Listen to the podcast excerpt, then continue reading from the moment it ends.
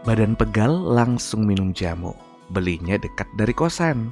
Selamat hari Minggu buat kamu yang tak pernah libur dari pikiran. Selamat datang di episode keempat podcast Cerita Radio, Cerita Random Dios. Ini cerita pengalaman pribadi dan dari sudut pandang gue ya. Selamat mendengarkan. Alkisah hari kedua lebaran tahun ini, mata gue kembali melihat keanehan akan manusia.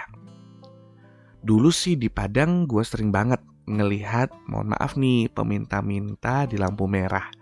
Jujur, di awal gue sering banget ngasih walaupun sedikit namun semua berubah saat teman gue menceritakan beberapa hal. Dulu zaman kuliah, gue termasuk angkoters alias pengguna jasa angkot. Bareng teman-teman dengan arah perjalanan yang sama, kita sengaja cari tempat duduk dekat jendela atau dekat pintu agar tidak terlalu pengap dan sumpek. Maklum, angkot di Padang ini kadang penuh karena speaker yang gede serta aksesoris seperti boneka dan gantungan lainnya. Bisa deh kalian cek di mesin pencari Google bagaimana bentuk dari angkot di kota Padang. Setiap melewati jalan yang namanya Ula Karang, di sana ada anak remaja dengan keadaan maaf lagi, nggak lengkap bagian kaki. Entah itu karena bawaan lahir atau peristiwa kita juga nggak tahu ya. Dia mulai meminta-minta mendekati angkot dan kendaraan yang berhenti di lampu merah menggunakan kayu yang diberi roda. Kebayang nggak? Jadi dia itu seperti ngesot, tapi hanya dibantu alat berupa kayu yang diberikan roda. Bagaimana nggak iba melihat demikian? Kita, yaitu gue dan teman-teman, sering nih memberikan meskipun sedikit kepada dia. Dan itu berlangsung sekitar beberapa bulan tapi yang buat terkejut adalah temen gue ketemu ini anak sedang berjalan di salah satu tempat pusat perbelanjaan di kota Padang. Shock dong ya, dia yang gak bisa jalan eh tiba-tiba ketemu dan bisa berjalan. Perasaan gak bisa jalan tapi kok ini bisa jalan pakai pakaian layaknya hangout dan bersama seorang gadis di gandengan. Pertama memang kita rasa bahwa mungkin kita salah lihat atau mirip aja. Hanya terbantahkan dengan warna rambut dan bentuk muka yang mirip. Mirip sekali dan gak salah. Kita gak ngelabrak sih, tapi hanya cukup tahu. Keesokan harinya, dia sudah standby di lampu merah. Biasa dengan alat bantunya.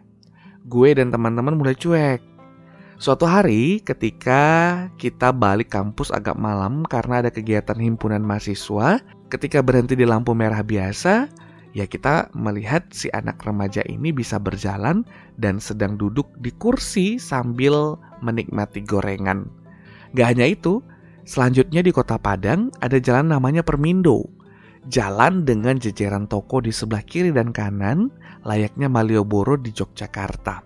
Di sana dilalui angkot dan banyak banget, mohon maaf lagi nih, peminta-minta yang sudah standby duduk dengan beralaskan kardus serta wadah tempat uang. Ada bapak-bapak, pemuda, ibu-ibu, bahkan anak-anak tanpa keterbatasan. Karena pengalaman sebelumnya dengan si remaja peminta-minta, gue jujur nih, mulai antipati dengan hal yang beginian. Dan suatu hari memang benar, gak sengaja mesti berangkat ke kampus pagi-pagi subuh karena rumah yang lumayan jauh dari kampus, sedangkan acara harus dimulai jam 6 pagi. Alhasil, jam setengah lima pagi sudah naik angkot. Angkot jam-jam segitu sudah ada karena sekalian mengantar pedagang untuk ke pasar. Dan gak disangka dong, ada mobil keluarga yang berhenti di tepi jalan Permindo. Gua lihat banyak banget orang di dalamnya. Seseorang turun dan ternyata adalah bapak peminta-minta di jalan. Kemudian mobil itu jalan sambil meninggalkan si bapak. Selang gak begitu jauh, mobil tersebut berhenti lagi dan menurunkan seorang peminta-minta lagi. Dan dalam pemikiran gua, ini semua terorganisir.